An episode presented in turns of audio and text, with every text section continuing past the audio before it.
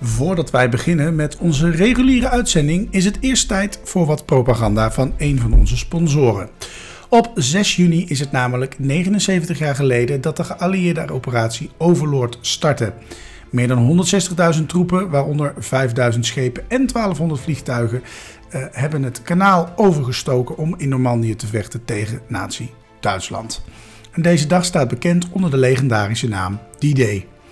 Elk jaar rond deze datum herdenkt de Memoir 44 Brigade deze dag door deze dag en slag na te spelen. En het naspelen gebeurt met het D-Day landingsscenario van het bordspel Memoir 44. Zes spelers die als generaals van de geallieerden optreden en zes spelers die als generaals van de Duitsers optreden, spelen de slag om Normandië na. Speel Blijswijk heeft dit jaar de eer om op zaterdag 3 juni de Memoir 44 Brigade in Blijswijk te ontvangen en zal gedurende de hele dag twee tafels waar de spellen gespeeld kunnen worden verzorgen. En er is ook een mogelijkheid het spel te ontdekken voor wie het nog niet kent. De startmomenten zullen zijn om 9 uur, om 1 uur en om 6 uur s avonds. Genoeg mogelijkheid dus om mee te doen. Lijkt het je iets om hier aan mee te doen? Ga dan vooral uh, een kijkje nemen op de website van de Memoir 44 Brigade of op de website van Spel Spul. Je kunt natuurlijk ook altijd even een mailtje sturen naar info.speelblijswijk.nl of gewoon even bellen. Ik wens jullie heel veel speelplezier. En na deze propaganda gaan we snel naar de reguliere uitzending.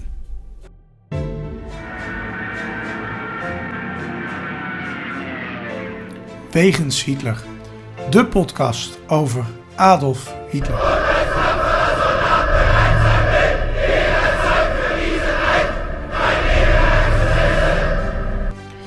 Dictator, alleenheerser van 1933 tot 1945. Een man met miljoenen doden op zijn geweten. Dat was een bevel! De Angriffssteiger war een bevel! Een man waar ongelooflijk veel verhalen over te vertellen zijn. Ook al die jaren na zijn dood.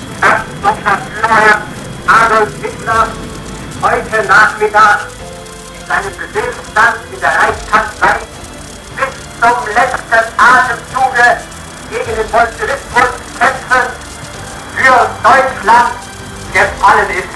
In deze podcast gaan Sjoerd en Niels van Andel de wegen van Hitler af. Ze kijken naar bijzondere plekken, naar vroeger, naar nu. En ontdekken samen met de luisteraar het bijzondere verhaal van de Führer van Nazi-Duitsland.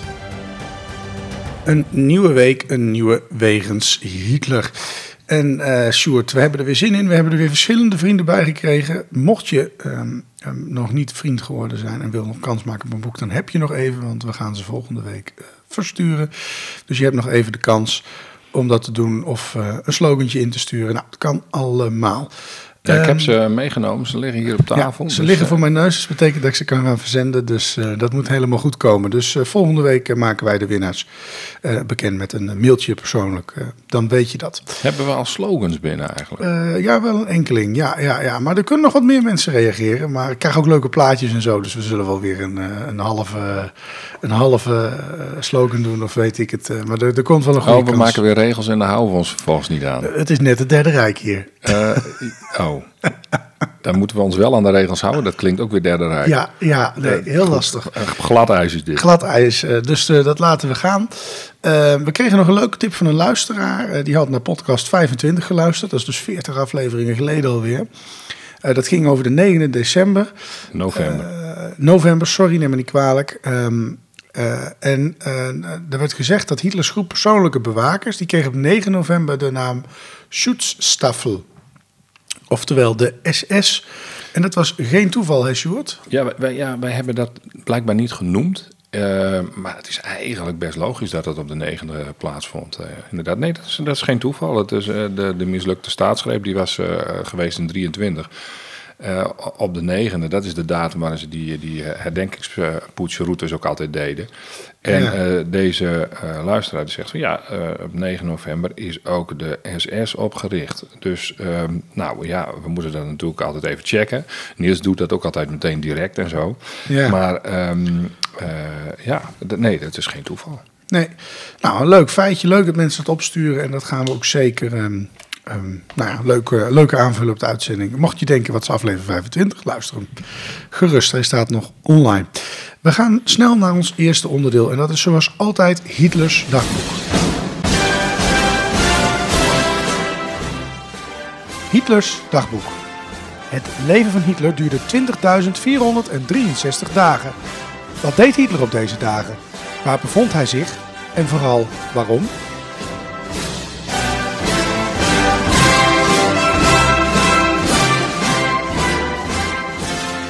Deze uitzending komt online op 29 mei en wij gaan terug naar 1936 op 29 mei.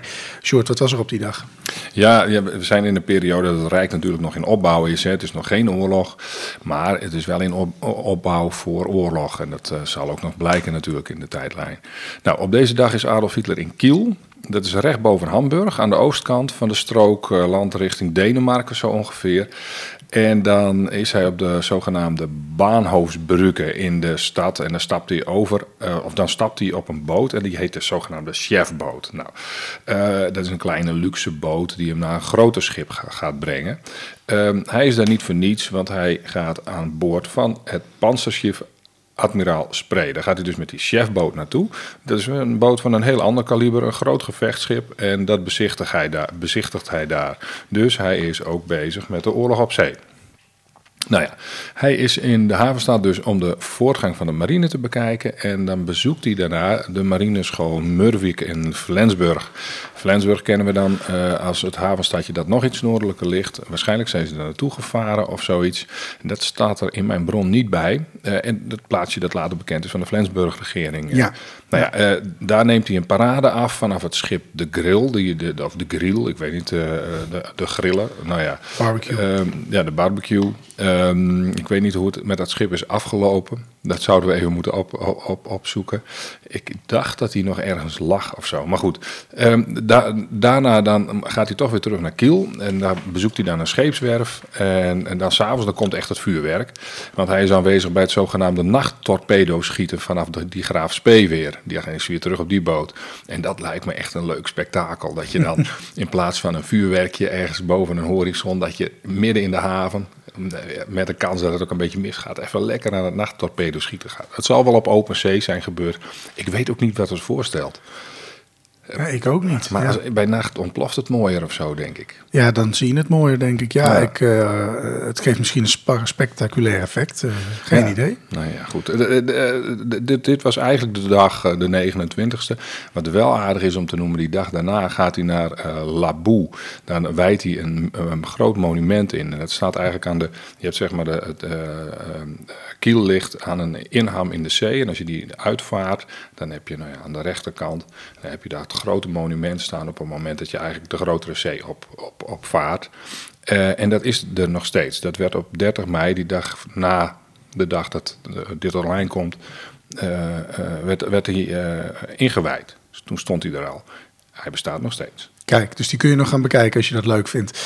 Um, nou, interessant, leuke, leuke dag um, om eens te bespreken. We gaan naar het belangrijkste onderdeel van onze podcast. En dat is zoals altijd de plek. De plek. Bijzondere plekken of verhalen die te maken hebben met Hitler. Ja, de plek is eigenlijk meer een persoon.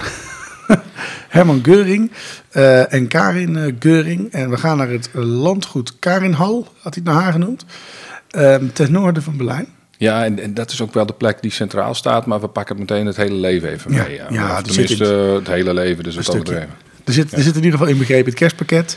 Dat is in de buurt van de Schrofheide en vooral bij de Gros Dollersee. Zo. Ja, de Groos Dollersee en de Schrofheide. Ja. Ja, um, dat Duits, dat blijft er gewoon een rare taal. Ja, dat een O waar een U uitgesproken moet worden, dat is zo achterlijk. Schrijf hem dan ook gewoon op. Ja, ja dat, uh, maar, goed, maar dan kunnen we over het Nederlands ook nog wel wat zeggen. Ja, kunnen we ook nog wel. Maar laten we dat maar niet doen. Een taalanalyse van een andere podcast. Mhm. Mm -hmm. um, als eerst, Stuart, die Herman Geuring, hè, die stond eigenlijk wel bekend om zijn neiging tot luxe. We hebben al genoemd mooie pakken en. Mhm. Mm -hmm. uh, dat landgoed Karinhal was daar misschien wel het beste voorbeeld van, of niet? Ja, joh, dat, absoluut. Daar, daar, vind je ontzettend veel van terug over.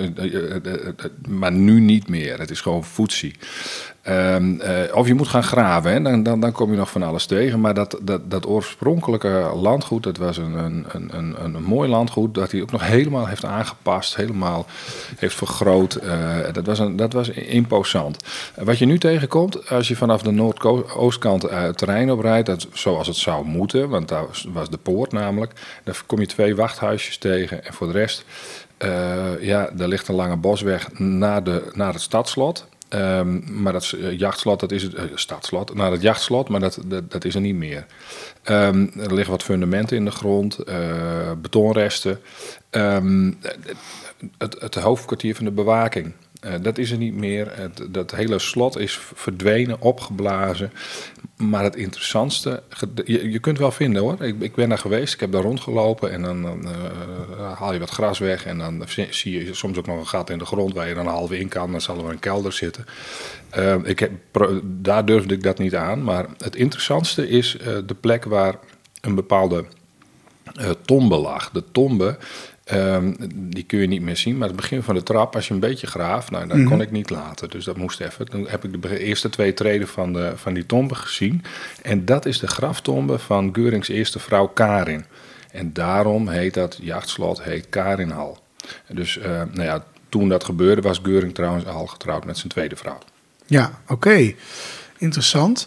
Um, dat, dat doet bij mij dan wel een beetje de vraag oproepen, als hij er zelfs uh, zijn landgoed naar noemt. Wat was dat dan voor een vrouw, die Karin? Ja, dat moet wel een prinses zijn geweest. Ja, hè? dat moet haast wel. Ja, een luxe prinses in ieder geval. Ja, Karin Axelina Hulda Fok, met een O, hè?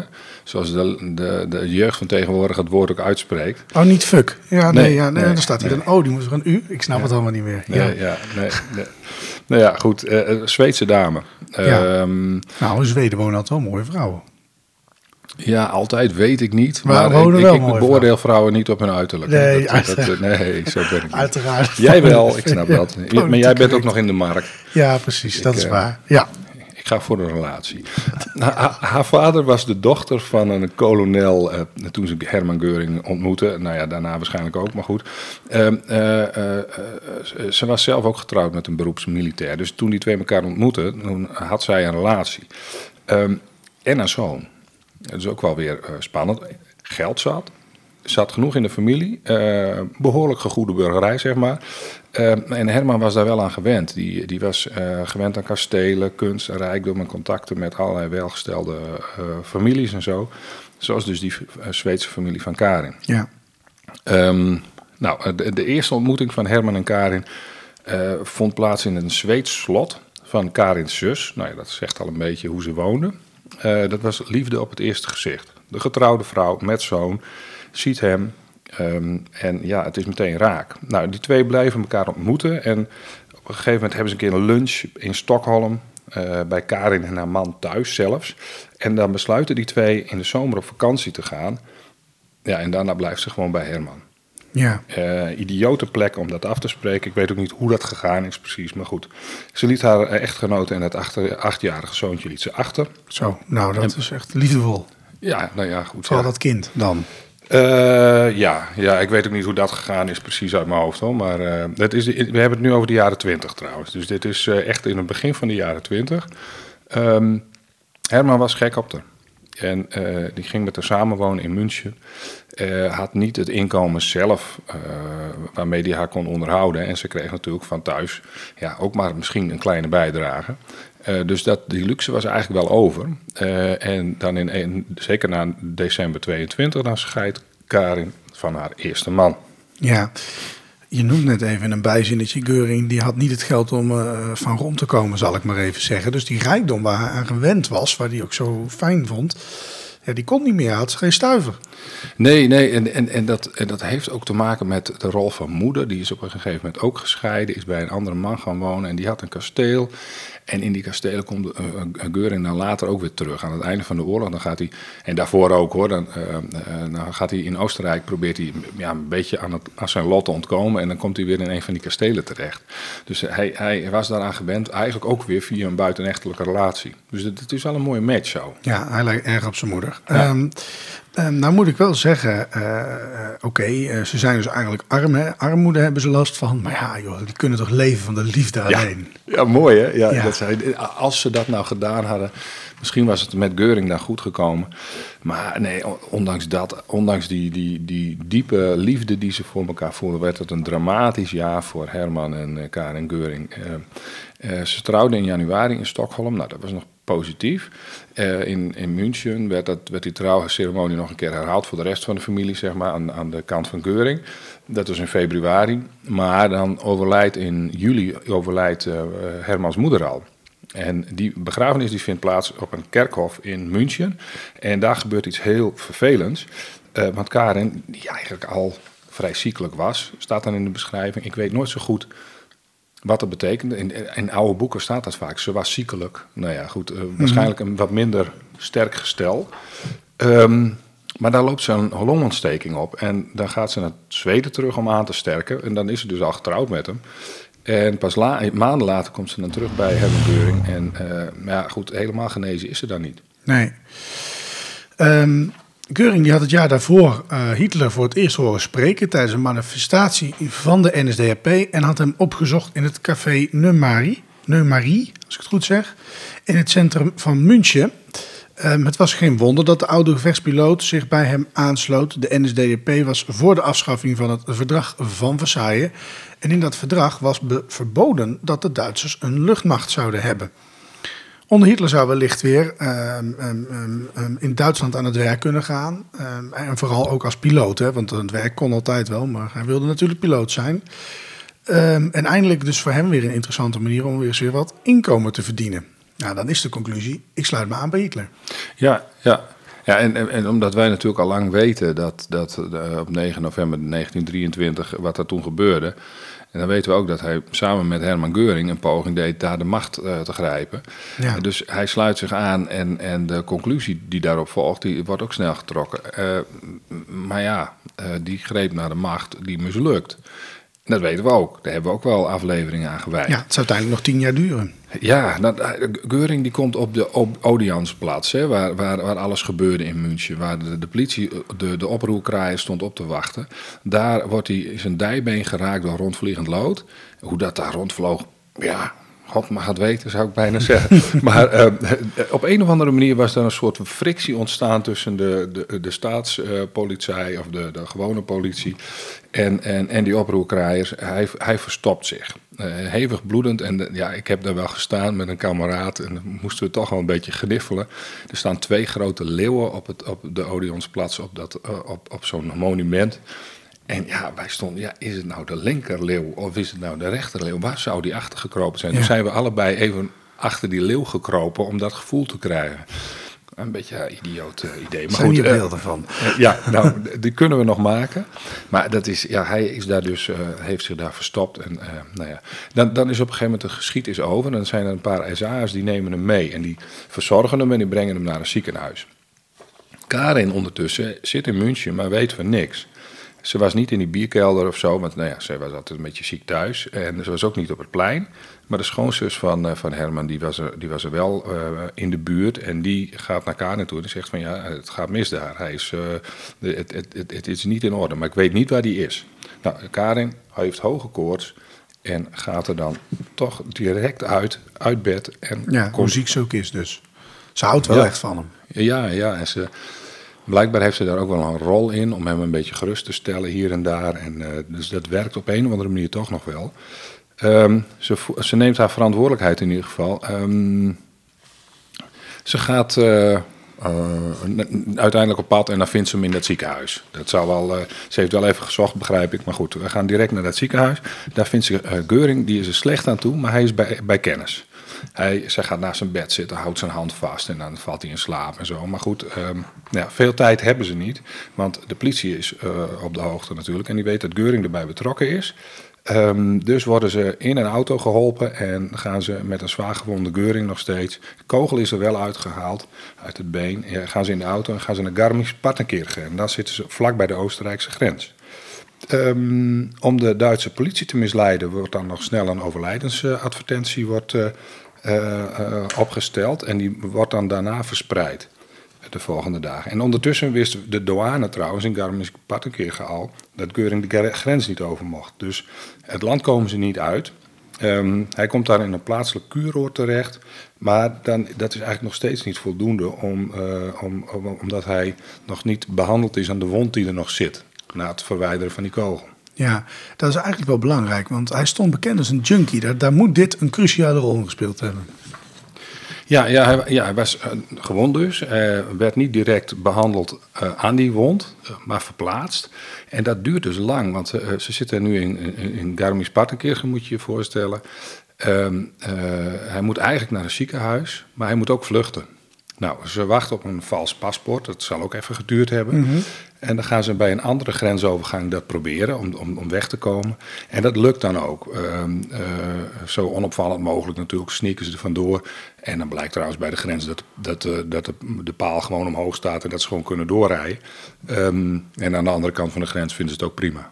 Kijk, dat scheelt weer een stuk. Um, dan komt hij terecht in Innsbruck. Hè? In Oostenrijk is dat. Uh, en dat wordt wel het Walhalla voor de morfine junk genoemd. Ja, ja, ja dat, zo staat het in alle boeken. Hè? Ja, ja. ja. ja nee, dat is inderdaad. Uh, uh, dat blijkt voor Geuring in ieder geval in dat ziekenhuis het geval te zijn. Um, maar hij is nu op dit moment dat hij zeg maar dat ziekenhuis inkomt. In, de, waar in, in, in deze fase van het verhaal is hij nog geen junk. Hij heeft nog helemaal niks met morfine, maar hij heeft nou, gewoon stevige pijn. Hij, uh, uh, uh, er zitten in, in, in, zijn, zijn, zijn, in die wond er zitten wat splinters en er zitten steentjes. Uh, die zijn achtergebleven in het lijf en, de, en die wond die kan maar niet genezen.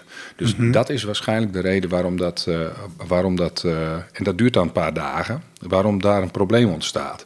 Nou, ehm, dat ziekenhuis kan hem prima helpen. Maar het is wel de plek waar hij voor het eerst morfine krijgt toegediend. En um, nou ja, dat middel gaf hem dus eigenlijk een beetje verlichting na hevige pijn die hij steeds gehad had. Ja. Um, ik kan me voorstellen dat dat fijn is. Ja, nou ja, zo werkt het met morfine. Ik bedoel, ja. Het is best een aardig, uh, handig spul als je, als je geopereerd bent of zo. Ja, precies, ja. Ja, ja, nou ja, weet je, hij zit daar eigenlijk ook, ook op een of andere manier weer niet goed. Want Innsbruck is een wat grotere plaats. Daar zitten ook lokale naties en die komen er snel achter dat Geuring in de stad is. En um, ja, die komen dan ook zelfs naar dat ziekenhuis toe en uh, die proberen contact te maken, maar dat gaat natuurlijk niet. Um, en, maar dat heeft als gevolg dat die overlijdensactie, dat men op een gegeven moment in Duitsland ook wel door heeft. Hey, maar als Geuring daar is, dan leeft hij nog. Dus uh, nou ja, de, die, de, ze gaan snel in de weer om uh, zijn bezittingen uh, in beslag te nemen. Ja. Wat hij nog heeft in ieder geval. Ja, veel was het vast niet. Nee, een huis of weet ik, daar kon hij niet naar terug in ieder geval. En als hij zou terug zou, dan zou hij direct worden opgepakt wegens hoogverraad. Dus dan ja. zou die samen met Hitler voor de rechter komen te staan. Ja, klinkt niet echt als een gezellig alternatief, nee. Maar uh, terug even naar die morfine. Ja, ja die nog morfine, hè, dat is wel even een dingetje. Ja. Nou, weet je, aan het eind van november um, krijgt Geuring in het ziekenhuis al twee injecties morfine per dag. Dus um, dat is uh, eind november 1923. Het middel zou hem in de komende jaren aan het rand van de af afgrond brengen. Maar dat hielp hem natuurlijk wel goed tegen de pijn. Um, toen hij wat, um, weer een beetje was opgeknapt uh, onder die morfine, trok hij samen met Karen naar Italië. En daar ver, verbleef hij totdat hun geld ook echt helemaal op was. En toen konden ze niks anders doen dan teruggaan naar Zweden. Dus nou ja, goed. Het geld is op, terug naar Zweden. Um, ja, er was alleen niet veel meer van hem over. Uh, hij was toen echt een echte morfine-junk geworden. En uh, ja, dan doet hij een poging om als, als, als uh, piloot te gaan werken bij een Zweeds bedrijf. Maar dat, ja, hij is verslaafd en dat loopt op niks uit. Hij werd steeds dikker en, en, en, en door de drugs, weet je wel. Dat, nou ja, ja. Dat, ziet er, dat is een heel ander uh, verhaal dan nou ja, lekker eten. Um, zijn geheugen werkt ook sle steeds slechter, dat is een bijgevolg natuurlijk. En nou ja, hij had ook geen partij meer waar hij op terug kon vallen geen inkomen, geen Duitsland dat hem nodig had. En ja, zijn gezondheid was dramatisch. Nou, hij werd ook agressief. Die agressie richtte zich ook op uh, Karen en zoon Thomas. Ja, en een, een, van die verhalen is, dan gaat hij bij een raam staan en dan dreigt hij dat hij zelfmoord gaat plegen. Um, en dan zegt die zoon op een gegeven moment tegen Karen, nou laat het hem doen. Ja. Maar die is er wel klaar mee. Ja, dat kan je je wel voorstellen als iemand zeer agressief wordt, ja. Ja, het is zijn vader niet eens. Dus wat dat betreft... Uh, Ehm, nou ja, goed. Ehm, eh, hij, hij, ja, daar volgen wel verschillende afkikpogingen volgen daarop. Ehm, waaronder een gedwongen opname in een psychiatrisch ziekenhuis. En dus ook nog in Zweden. Maar daar is hij ook agressief. Hè? Hij, hij, kijk, als hij niet direct morfine kreeg... dan liep hij zelf naar de kast, brak die open... en dan haalde hij het eruit en dan diende hij dat zichzelf toe. Ja, dan ben je wel behoorlijk verslaafd. Ik moet zeggen, wat een flutkliniek ook... als je iemand niet gewoon op kan sluiten, maar goed.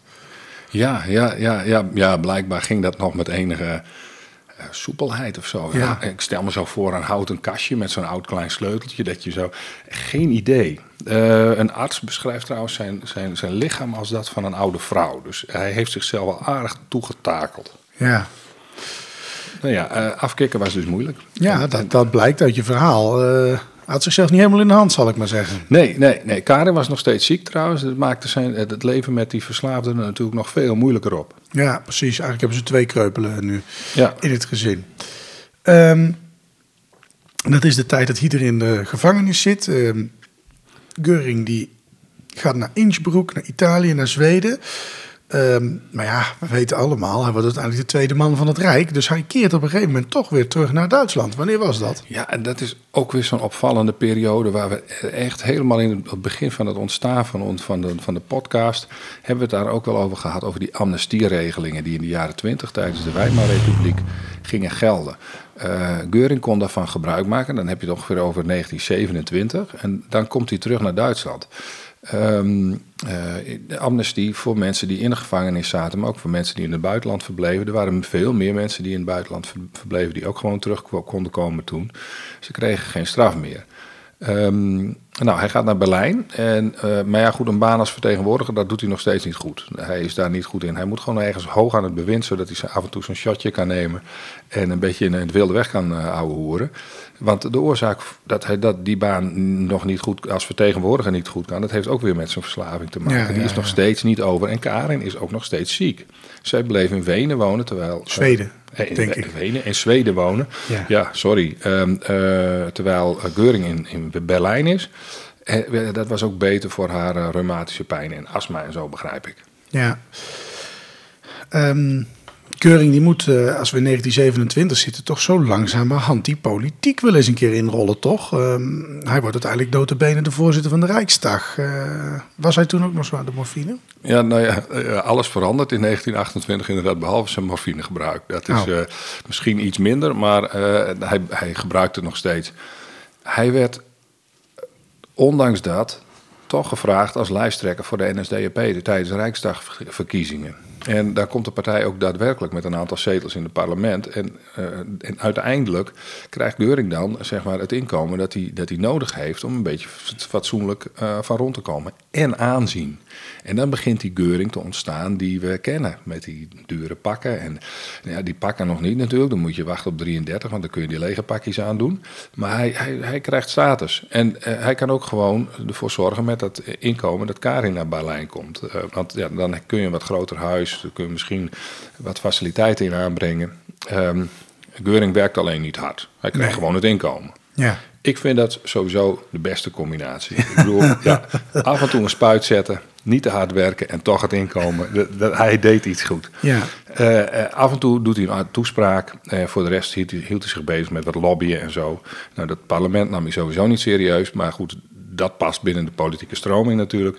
En wat wel vervelend is, Goebbels, um, een partijgenoot, die valt dat op. Die zegt van dat gaat helemaal niet goed met die man. En dat kun je terugvinden in de dagboeken van Goebbels. Ja. Um, even terug naar dat huwelijk. Dat, dat, dat moet toch dramatisch zijn. Die twee zijn verliefd geworden, maar de een gedraagt zich eigenlijk als een baviaan die verslaafd is aan de morfine en de andere is steeds ziek. Uh, dat kan toch nooit goed gaan? Nee, nee, dat gaat het uiteindelijk ook niet. Ze, ze hielden ongetwijfeld van elkaar in het begin. Karin was te zwak, Herman te verslaafd om er echt iets van te maken. En dat drama dat wordt echt compleet in 1931 als uh, Karins moeder sterft. Um, Karin die wil naar Stockholm, die wil naar de begrafenis. En uh, nou ja, dat, dat kon eigenlijk niet, want ze was te ziek. Uh, nou ja, dan besluiten Herman en, en Karin Sony besluiten daar mee te gaan. En ja, eigenlijk op het moment dat ze ongeveer aan is gekomen, ze is net in haar hotelkamer, dan krijgt ze een hartaanval. Ehm, ze is nog niet meteen overleden, maar eh, nou ja, gelukkig dan dat ze in ieder geval niet alleen is gegaan. Want toen waren zij er in ieder geval nog bij. Ja, nou, dramatisch eh, kun je toch wel zeggen. Ehm, Herman, die was smoor verliefd en zo blij met haar. Die moet dan toch wel bij haar gebleven zijn, toch? Ja, dat deed hij dus weer niet. Eh, Karin die, die, die, die zou niet meer beter worden. En daarover bestond geen twijfel. Dat wist Geuring waarschijnlijk ook. Eh, maar hij liet haar toch achter, want hij moest terug naar Berlijn. Want de, NSDAP maakte net kans om te gaan regeren. Dat, dat, dat, weet je, dat was nog niet zo hoor, maar die discussie ontstond al. En uh, hij, tussen de onderhandelingen door had hij nog wel contact met Stockholm over hoe het met zijn vrouw ging. Maar hij was niet bij haar toen ze stierf. En um, dus in, in, in, eh, in de ochtend van 17 oktober 1931, dan belde hij met Zweden. En uh, ja, dan hoorde hij dat ze die dag was overleden. Um, nou ja, begraven naast haar moeder en zo. Maar dat is natuurlijk wel een, nou ja, een eigenaardig dieptepunt. Ja, dan ben je toch ook eigenlijk wel een eikel. He, want ja. als je op het belangrijkste moment, um, um, zal ik maar zeggen, in je leven zowat, denk ik, althans als je getrouwd bent, dan, dan, kies je voor jezelf en dus niet voor je stervende vrouw. Nou, dat, dat, uh, ja, dat is toch wel lastig. Uh, vind ik dat toch wel te verkroppen. Um, we hadden het net over die Karringhal en het jachtslot. Dat kreeg hij pas na de machtsovername. Dus hij moet met haar zijn blijven zitten in zijn hoofd. Ja, dat, daar lijkt het wel op. Hè. Dat, uh, dat duurt natuurlijk eventjes, dan is het januari 1933, dan komt uh, de NSDAP aan de macht. En heeft Goering dus al een andere relatie. En uh, waar hij mee trouwt, met, met, haar trouwt hij dan in 1935. Maar de, de Karin laat hem blijkbaar niet los. Uh, hij laat dan in een, in een bosrijk gebied met twee meren eromheen, een prachtige plek, uh, ten noorden van Berlijn, een, een jachtslot uitbreiden. Um, en, en, en daar hangen allemaal dure kunstwerken, tapijten en zo. En dat noemt hij Karinhal. Binnen laat hij ook een, een, een, een, een, groot schilderij van Karin ophangen. Ja, nu weet ik niet hoe het in jouw huwelijk is, hè, Sjoerd. Maar uh, je zult vast wel eens een vriendinnetje gehad hebben in het verleden. Mm -hmm. Voor je getrouwd was, zal ik maar even zeggen. Ja, nee, dat, Denk je dat, dat je, wel, ja, nee, uiteraard. Ja, nee, sorry, dat bedoel ik. Uh, geen ontboezeming hier verder. Het zou, zou ook niet verstand zijn, maar het is ook echt nee, niet waar. Ik ben nee. gewoon een van de laatste.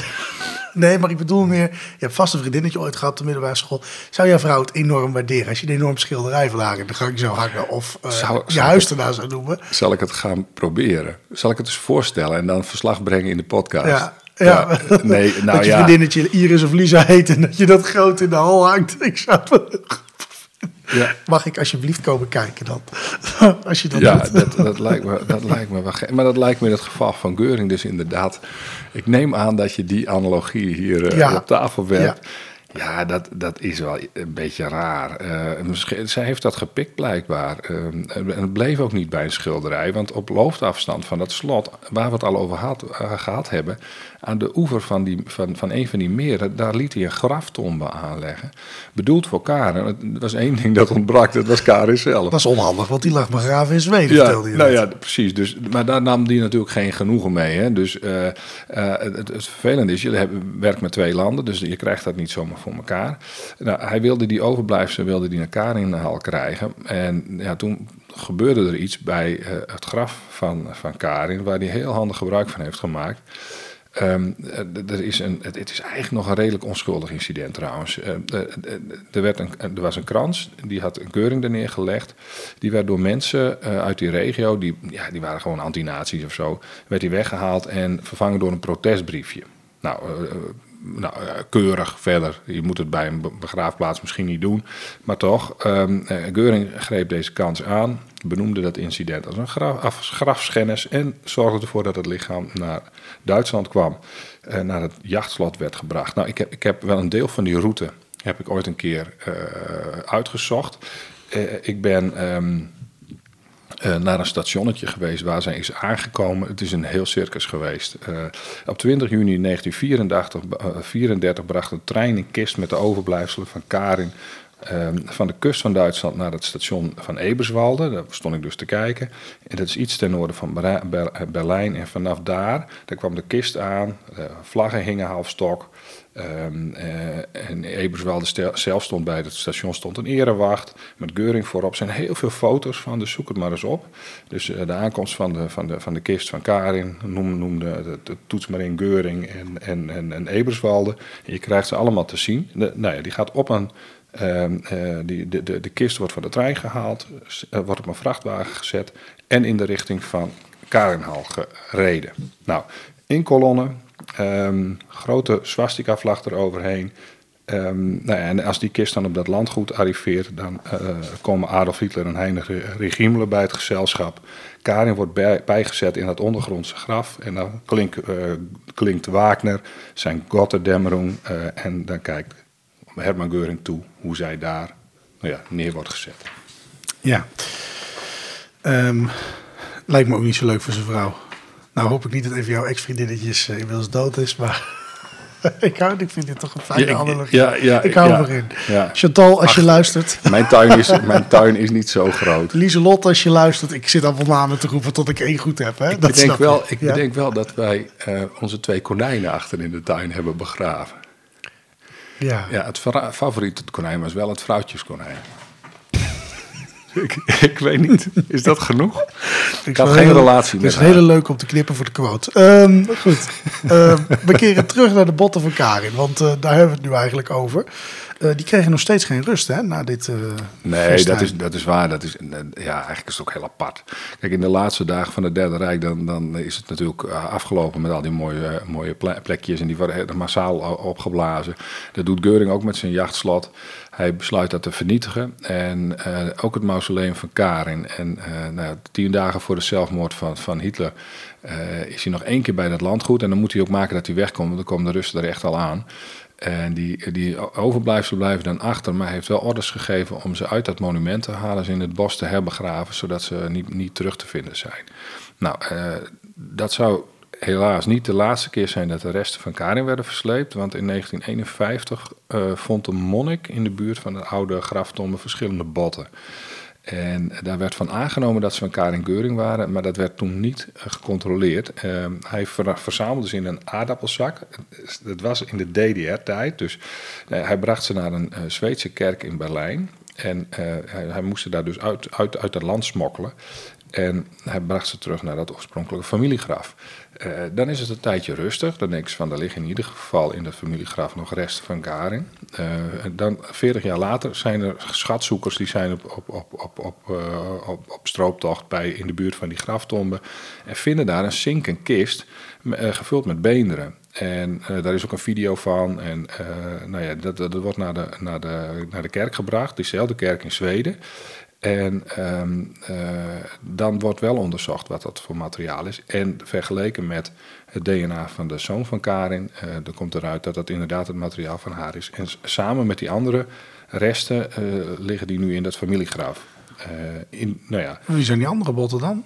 Ja, dat, dat, ik weet niet of dat ook mee, mee is genomen Ja. in dat onderzoek. Dat kon ik niet vinden. Maar eh, nou ja, zij, zij ligt daar in ieder geval op de plek waar ze waarschijnlijk nog de meeste rust heeft gekend in haar leven. Vlakbij haar familie. Ja.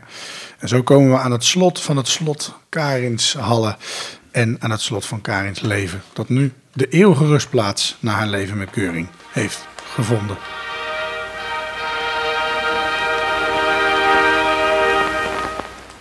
Het Nazi-journaal. Bijna dagelijks is er nog wel iets te vinden over Hitler. Hij is in het nieuws, er is een stuk in de krant, een tweet, een interview of een nieuw boek. We bespreken het in het Nazi-journaal.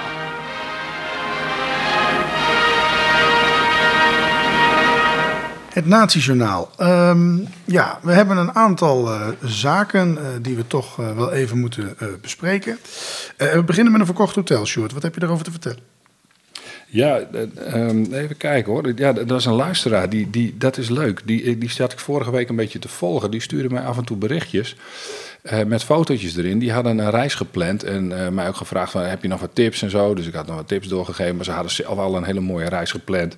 Dus dat hadden ze mooi, prachtig voorbereid. En die waren nu bij, ehm, bij, in München geweest, in Nuremberg en kwamen op de Obersalzberg aan.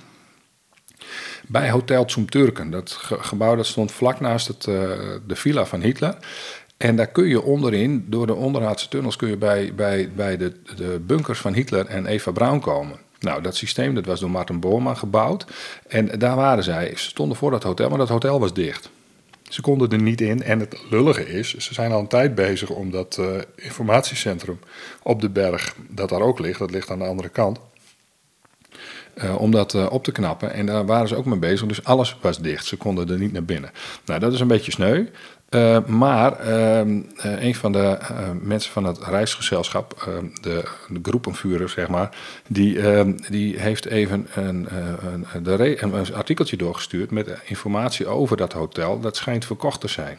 Dus dat is waarschijnlijk de reden waarom Hotel Zum Turken gesloten is. Doorverkocht. Ik hoop dat die tunnelingang open blijft.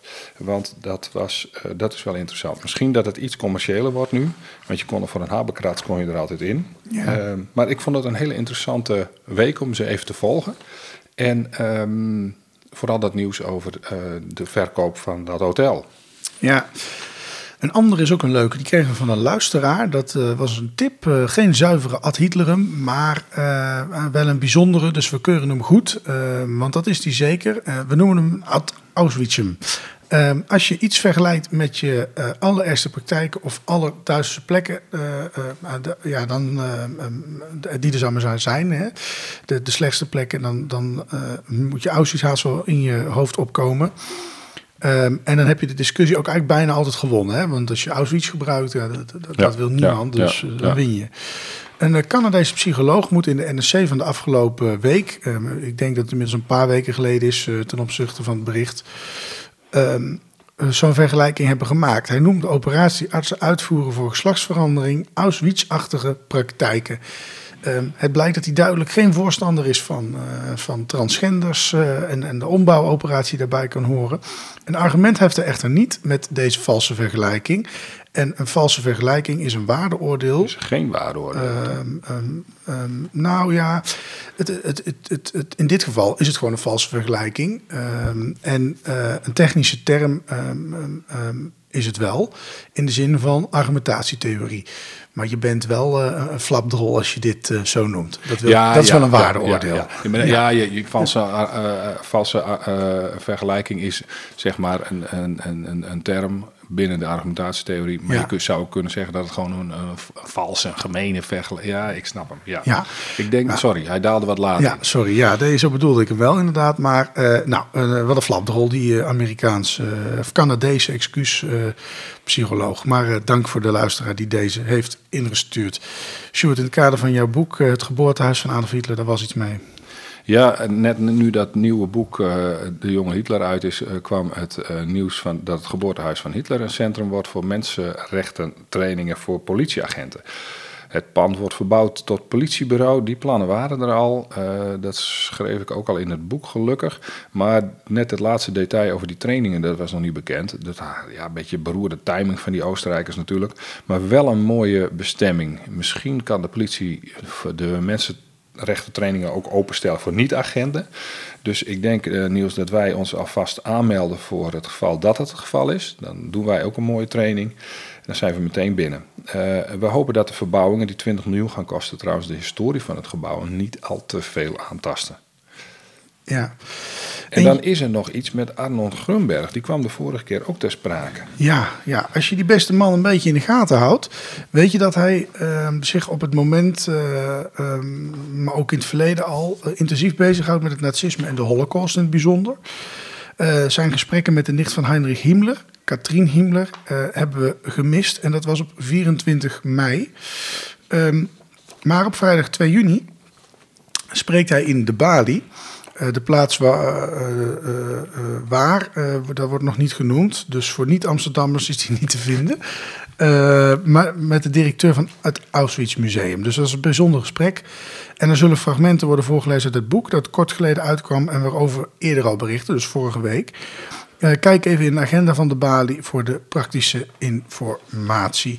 Dus nou, dat is denk ik een hele interessante bijeenkomst om naartoe te gaan. Ja, ja, Ja. lijkt mij wel. Ja. Ik had die, die bijeenkomst met eh Ka- Ka- Catherine Himmler had ik ook wel willen zien. Ik, die ontschoot me een beetje. Ja. Dat was wel interessant geweest. Zullen we er nog eentje doen voor de frisse neus? Nou, ik, ik heb er eigenlijk nog eentje tussendoor, Oh. als dat mag. Ik kreeg Ja, van een luisteraar ook we de frisse neus nog even. Ik, ik kreeg een artikeltje van de VRT. Eh en nazi-vlaggen in het Centraal Station van Antwerpen veroorzaakt commotie. Het is een artikeltje van eh, ehm, ehm, ehm, een jaar geleden wel. Maar Mhm. wat bleek er nou aan de hand te zijn? Er hingen echt drie van die grote nazi-vlaggen in het Centraal Station. Eh, daar werd een film opgenomen, de film Wil. En die komt klaarblijkelijk binnenkort uit. Die kreeg ik van een Ah. luisteraar doorgestuurd. Maar goed, Matteo Simone speelt in de hoofdrol. En de film is opgenomen op drie plekken in België, Nederland en Polen. Dus eh, dat schijnt een film te zijn die binnenkort uitkomt. En deze luisteraar had daar eh, aan bijgedragen in die film. En dus, vandaar dat dat nieuws weer even boven kwam. Vandaar dat het nieuws even boven kwam. Maar ik vond eh, wel dat ik hem even moest benoemen. Dus ehm, misschien als die uit is en we hem gezien hebben, er even kunnen vertellen waar die over gaat. vind ik wel leuk. Maar ik hou het even in de gaten als ik zie dat hij uitkomt. Of misschien, ik denk niet dat hij al uit is. Weet ik eigenlijk vrij zeker. Want hij zei, het wordt een topfilm. Dus dat klinkt als een toekomst. dat kan aan mij liggen. Ja. Ehm, dan de frisse neus, Stuart. Ja, in Peru, Peru heeft de politie 58 eh, kilo cocaïne gevonden in een container eh, met voor de rest asperges. Nou, behalve dat dit wel een hele andere witte substantie is eh, dan de saus waar normaal gesproken de eh, eh, asperges in eh, eh, genoten worden, zeg maar, viel eh, de cocaïne vooral op door de verpakking. Drugs met een opvallende verpakking schijnt vaak voor te komen, maar dit keer waren de pakketjes versierd met hakenkruis in een witte cirkel op een rood vlak. Hé, hey, waar kennen we dat Oh, ja, van? waar kennen we dat van? Eh, waarom? Blijf mysterieus. Ja, we komen daar eh, voor nu niet uit. Nou, en daarmee gaan we naar het laatste onderdeel weer. En dat is zoals altijd van nu naar vroeger. Van nu naar vroeger. Wat speelt er nu in ons nieuws en hoe zat dat in de tijd van Hitler?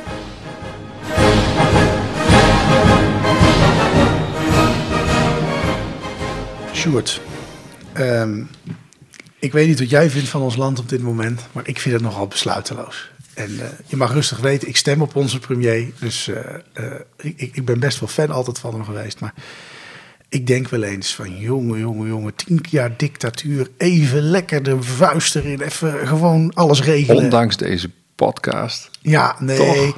nee, maar verlicht despoot. Hè. We hoeven geen eh, kampen neer te zetten. Maar bedoel meer van, even die besluiteloosheid weg.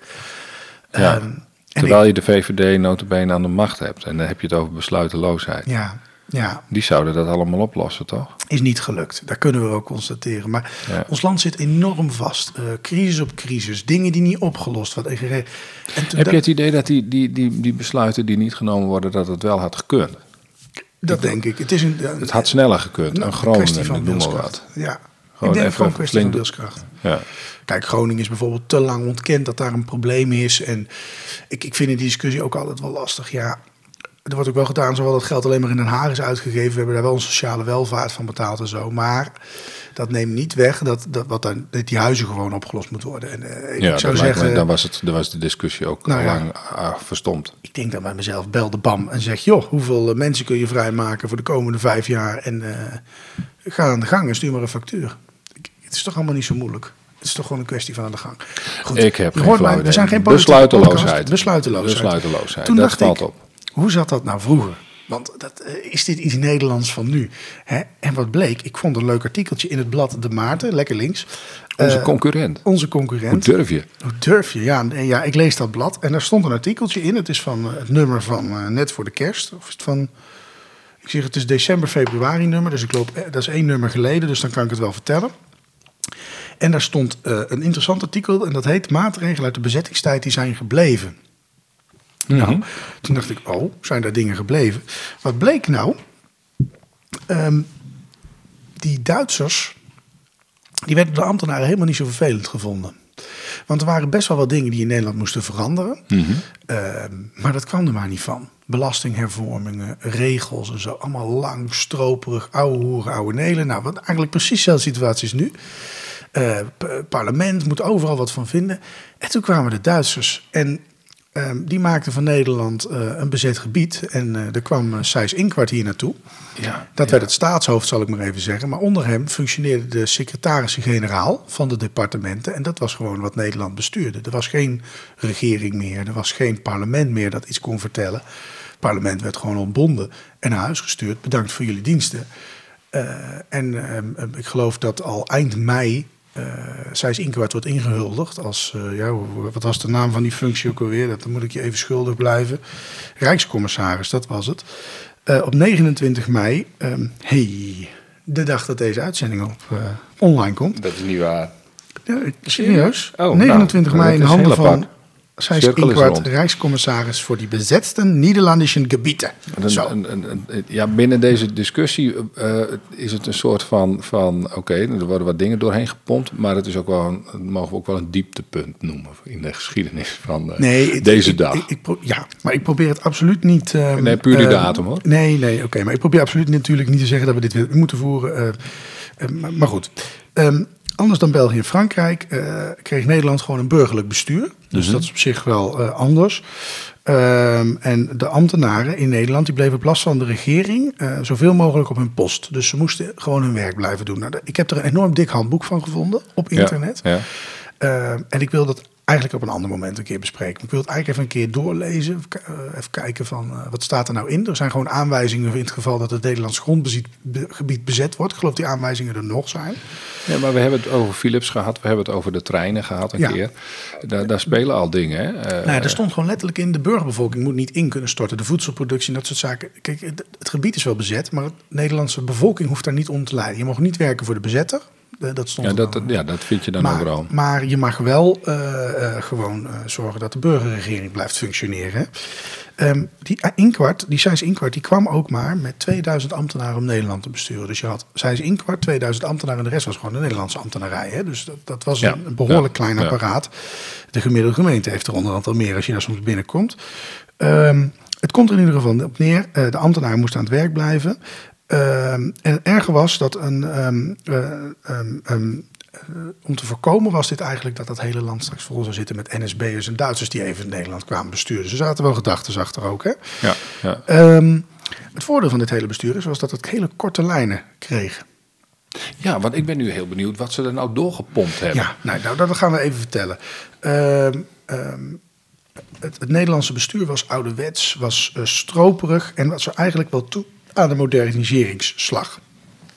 Nou, ehm, je zou kunnen denken, ehm, ehm, wa- wat gaan ze dan allemaal doen? Nou, ze hebben bijvoorbeeld wat belastingen gewijzigd. En er staat hier een interessant stukje. Eh, de historicus Jan, eh, Jan Julia Zuurne, die schrijft het volgende over de Belastingdienst. De ambtenaren die, zich, die, hervormingen die deze hervormingen uitwerkten, wilden al lang voor de oorlog het achterhaalde belastingsbeleid moderniseren. En in de oorlog kregen zij de kans om deze ambities waar te maken. Ehm, en deze conclusie geldt feitelijk voor alle ministeries. Wat hebben ze bijvoorbeeld ingevoerd? Eh, winstbelasting. Ehm, eh, maar ook andere belastingen. Ehm, even kijken. We gaan eens even kijken wat er allemaal gebeurde. In de eerste weken van de Duitse bezetting werden er al nieuwigheden eh, ingevoerd. Een van die dingen was dat de Amsterdamse tijd, die 20 minuten scheelde met Londen, die werd gelijkgesteld aan Berlijn. Ehm, vanaf 16 mei Daar hebben 1940. ze nu wel weer discussie over of je daar niet een leuke tussenvorm toch weer zou moeten invoeren. Maar goed, ga Ja, door. nou ja, die discussie heb ik dan gemist. Maar het komt in ieder geval op neer. Onze tijd werd gelijk geschakeld naar de Berlijnse tijd. Eh, Mooie term. prachtig. Nederland die had al een zomertijd. Maar door deze aanpassingen gingen de klokken eh, die nacht niet maar eh, één uur terug. Maar één uur, sorry, één uur vooruit. Maar één uur en veertig minuten vooruit. Dus dat was een behoorlijke verandering al. Ehm, dat is niet het enige. Ehm, in Nederland, fietsland. Hè? Als je, eh, wij zijn een fietsland, Mhm, veel ja, andere ja, landen. ja. Ehm, nou, dat was nogal anarchistisch. Eh, en Duitsers hielden niet van anarchistisch.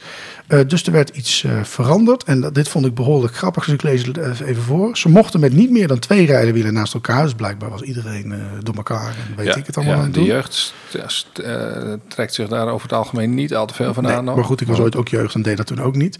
Maar dit vond ik een bijzonder grapje. Maar moesten uiterst recht houden en hun hand uitsteken. Ja, ja, ja we zien zag ze het al helemaal voor Ja, dit Ja, is, ik zag ja, en dan op houten banden uiteindelijk. Hè? Ja. Ehm, ehm, Het leuke is dat de ANWB dit eigenlijk wel fijn vond. Die was graag bereid om dit uit te leggen, zal ik maar even nou ja, zeggen. logisch. Dat is op zich... Ehm, nou, er waren dus meer dingen. Eh, een ontslagverbod werd ingevoerd. Eh, dat werd even geregeld, het ontslagverbod. Eh, dat was er eerst niet, ehm, maar eh, dat werd ook even geregeld. Dus ook de rechten van werknemers werd eh, behoorlijk eh, vergroot. dat is niet echt VVD, hè? Nou ja, dat weet ik eigenlijk niet. Ik vind dat ook als VVD'er dat je bepaalde bescherming wel mag hebben hoor. Anders is het fout, fout ehm, hoe moet ik dat nou zeggen, kapitalisme. Ja, je laffe socialist. Het leuke is dat Anton Mussert wel van al dit soort dingen probeerde te profiteren. Ja, Eh, ja. Want oh, dat hebben wij geregeld als NSB. Eh, nou, dat, dat, dat, werd, nou ja, anders gedaan. Even terug op die fietsers. Die hadden vanaf dat moment ook geen voorrang meer. Eh, motorvoortuigen en voertuigen welke langs spoorstaven werden voortbewogen, eh, altijd voorrang hadden op alle andere weggebruikers. Dus ook op fietsers. En dat is pas op 1 mei 2002 veranderd. ja, dat weet ik nog. Ja, dus- dus eerst moest je Dan moest je eh, echt uitkijken dat je fietsers wel voorrang gaf, ja. Ja, dus dat, dat, dat, is, dat is nog niet eens zo heel lang. Hè? Nee, Dat- klopt. Bedenk ik me nu. Nou, allemaal leuke dingen dus over fietsers. Ehm, ehm, het ontslagverbod dus. Eh, ook het leer, de leerplicht eh, is veranderd.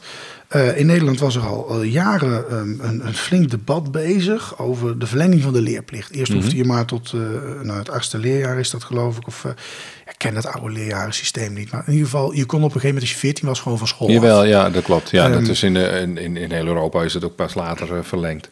Ja, nou wat gebeurde er? Eh, het streven ehm, was om in ieder geval te zorgen dat kin- kinderen langer ehm, eh, mochten blijven. Eh, wat, wat gebeurde er nou? Ehm, als je 14 was, dan kon je stoppen en dan ging je in het familiebedrijf werken of op het land Ja, of weet ja. ik het. En dan stopte je met school. Nou, die Duitsers die, die zeiden dat is afgelopen nu. De confessionelen hadden het altijd tegengehouden, maar de Duitsers die, schaf, die voerden gewoon het achtste leerjaar in. En ehm, die werden ondergebracht in het moderne, eh, het voortgezet gewoon lager onderwijs voor eh, eh, toen heette dat zo, Ja, wat nu ja, denk ik ja, de middelbare school heet. Ehm, omdat deze maatregel typisch Duits was, werd die na de oorlog afgeschaft. Oh, Vrijwel direct. Maar in 1950 toch weer een volle eer ja, je kan je voorstellen dat, dat die leerlingen dan prachtig volgestouwd konden worden met de propaganda. En dat ze Nou, met, dat- met, met een geweertje van de, van, van de middelbare school afkwamen. Eh, dat is volgens mij nooit gebeurd. Maar eh, je had ook wat anders kunnen lesgeven natuurlijk in die periode. Nou, maar goed, dat is denk ik ook wel Of gebeurd. eh, Maar zelf komt- werkuren of zo. Hè? Dat is zelf een Zelfwerken. beetje aan rotzooi. Ja, precies. Dat, dat doen we nu weer. Wat dat betreft, wat Duitse goed, uh, de zou wel weer fijn zijn. Maar goed, even leuk om dus, dus wel even te benoemen. Ehm, eh, de- de- de- de- er kwam een ver- verlengde leerplicht door de Duitse bezettingsmacht. Hè? Mhm. Ehm, een ziekteverzekering kwam. Ehm, dat Interessant, was, eh, ja. Ja, dat, Ja. Dat, dat, eh, dat was er eerst niet, niet goed geregeld. Maar ik denk aan eh, Amerika. En dan zou je met elkaar van moeten vergelijken. Ik heb geen idee, maar ik hoor dit nu. Nou ja, dat- in Amerika is het ziektekostenverzekeringsstelsel echt belachelijk. Ehm, er was in Nederland al heel lange tijd een debat gaande over het verplicht stellen van een ziektekostenverzekering voor de bezetting. Ehm, ehm, Alleen de Duitsers die zeiden gewoon, nou, dat willen we gewoon geregeld hebben. Dus wat hebben ze gedaan? Vanaf 1 november 1941 was iedereen in Nederland verplicht zich te verzekeren. En wie minder dan 3000 gulden verdiende, werd ondergebracht bij het zogeheten ziekenfonds. En mensen met meer geld konden zich ook particulier verzekeren. Nou, Ja, nou, nou heb je hier over dit soort kwesties, heb je in Duitsland zelf, eh, heb je een stevige discussie gehad onder historici. En dat raakt een beetje aan dit punt. Dat is een strijd wa- waarin eh, gesproken werd over of, ehm, eh, of, of de geschiedenis die doorloopt, zeg maar, van voor de Derde Rijk. Of ehm, nou ja, hoe, hoe je dat moest bekijken. En, en ik zie hier ook maatregelen die misschien al bestonden voordat Hitler aan de macht kwam. Of het gevolg waren van denkwerk dat al van tevoren eh, in, in de stadblokken lag. Dat, dat kan Ja. wel zo het geval zijn. Nou, je moet ook natuurlijk niet vergeten, dat- het is niet zo dat Nederland er niet mee bezig was. Maar net als nu, heel veel praten en Ja, weinig actie. ja. En er kwam gewoon geen parlement meer tussen, dus het kon geregeld worden. Bijvoorbeeld die verlengde leerplicht, vooral de conventionele, dat waren toen de katholieke partijen en de, de, christelijke partijen, zal ik maar even zeggen. Die waren tegen dat soort dingen. Die vonden het blijkbaar prima als je 14 was dat je ging werken en verder niet ging leren. Waarom, Mhm. weet ik niet. Ehm, en eh, die hadden nou eenmaal de meerderheid in Nederland met verkiezingen. Dus die konden dat tegenhouden, blijkbaar, totdat het een keer ingevoerd was en toen niet meer tegen konden houden. Ehm, even terug naar die ziektekosten. Dat is pas ehm, afgeschaft in 2006, toen het huidige zorgverzekeringsstelsel in stand werd gezet. Dus dat heeft best wel lang gefunctioneerd. Er zullen op details wel Dus iedereen die daarvoor in het ziekenhuis heeft gelegen, heeft eigenlijk geprofiteerd van. Een Duits Nee, systeem. Nou, nee, ja, geprofiteerd wel van een Duits Ja. systeem. Natuurlijk om, nou ja, dat dat verzekering. Nee, ik maak er, ik maak er een flauw grapje van, Ja. maar dat is gewoon zoals het is. Nou ja, het laatste wat ze nog hebben gedaan, tenminste wat in dit artikeltje stond, en dat eh, wil ik ook nog even genoemd, is eh, een nieuw politiepak ingevoerd. Ze hebben de politie ook gereorganiseerd. Dat was natuurlijk een favoriete club. Er is ook altijd heel veel over geouwehoerd en geouweneeld over die politie, en hoe je dat moest organiseren in Ja, elke ik, gemeente. ik vind dit wel, wel een eng punt hoor, als je het er nu... eh, Nou ja, nee, maar kijk, het was heel simpel. Eerst vielen de politie eh, onder gemeentes. En op een gegeven moment is gewoon in de herfst van 1940 kwam, is dat geregeld. Ehm, ehm, de vijf verschillende korpsen die er waren, ehm, ehm, die kwamen onder de drie ministeries. En die onder drie ministeries vielen, hè, dat moet je even nagaan. Dat is een grote Ja, vergaderclub ja, geweest. Ehm, er bleven drie korpsen over. De gemeentepolitie, de staatspolitie en de marechaussee kwamen alle drie onder de verantwoordelijkheid van het ministerie van Justitie. Ehm, en eh, er werd een zwart uniform geïntroduceerd ehm, dat voor alle politiediensten vrijwel gelijk was. Nou, dat is eh, eh, dus ook iets wat ze hebben gedaan, een reorganisatie van de politie. En een nieuw pak, nadat er veel over gekletst was. Ehm, Geuring zou er trots op geweest zijn. ja, Rauter, Rauter was daarvoor verantwoordelijk. Die was de, de SS und Politieführer und Commissaris für die Sicherheitswesen. Nou. Hoppatee. Eh, Die had dat onder zijn leiding. Dan kun je wel voorstellen dat Nee. de politie een belangrijk deel was van het Derde Rijk. Ja, interessante business. eh. Die structuur die toen trouwens gemaakt is van de politie en zo, die is ook na 1945 vrijwel niet veranderd en gebleven. Wa- wa- Wat je hier allemaal in ziet, winstbelasting kunnen invoeren, eh, al dat soort zaken. Je ziet daarin dat eh, die ideeën al leefden. Mhm. Ambtenaren dat er niet doorheen kregen, of heel moeilijk of heel stroef. En er komt gewoon een Duitse bezettingsmacht die gewoon zegt, ja, goed idee, invoeren. Ja. En, en, en, en dat, dat gaat het veel sneller. Eh, er is hier best wel weinig over bekend. Ik wist tot het artikel niet dat dit allemaal zo was. Laat ik het dan zo zeggen. Ik, Nee, ik heb me daar ook nooit mee bezig gehouden. Ik vind het een interessante kwestie. Je, je, natuurlijk pleit je er niet voor dat er maar even een, een, een, een, eh, Luxemburg ons land binnenvalt... die dat even, eh, even alle stroperigheid er even uittikt eh, voor een tijdje. Maar op, opvallend. Ja, nee, maar goed. opvallende... De, de, Kijk, ja. je ziet eigenlijk dat probleem wat toen een beetje probeerde op te lossen. Al die dingen die gebeurden hadden één taak, namelijk centraliseren. En hoe meer macht er bij een select groepje ligt Ja, één plek, ja, hoe makkelijker. Mhm. het ook wat dat betreft besturen is. Eh, je ziet dat in Nederland nu ook wel. Nu wordt weer heel veel naar gemeentes gedaan. Dan gaat iedereen het anders doen. Nou, dat is echt je gek van. Als je de ene gemeente zorg nodig hebt, in de andere is het weer heel anders geregeld. Dat had allemaal centraliserende taak. En waarom weten we hier nou niet zoveel van? Je zegt dat zelf ook al. Ja, het is niet echt na de oorlog. Die ambtenaren waren al lang blij dat, dat er wat, niet met die bezetting, maar wel dat er wat dingen gewoon geregeld waren. En die wilden die veranderingen graag behouden. Het was natuurlijk niet zo populair als je ging vertellen, dat hebben we aan de Duitsers te danken. Nee, nee, nee. nee. Dus dat werd allemaal weggemoffeld. Eh, daar werd niet te veel over verteld, want dan kon het tenminste blijven. Nou, je ziet dat een hoop dingen dus ook nog steeds uit die tijd in Nederland van kracht zijn. Ehm, nou, ik vond het een interessant artikel en leuk om Ja. hier even te bespreken. Ja. Ehm, nou, en daarmee komen we alweer aan het einde van deze uitzending, Sjoerd. Eh, we zijn de volgende week weer, eh, als het mee zit. Een uitzending waar we een hele hoop eh, hebben besproken. Het interessante leven van Geuring, dat zijn vrouw zijn, niet los kon laten tot het einde van zijn leven, zullen we maar zeggen. En hebben we ook geleerd dat de Duitse bezetter nog steeds onder ons is.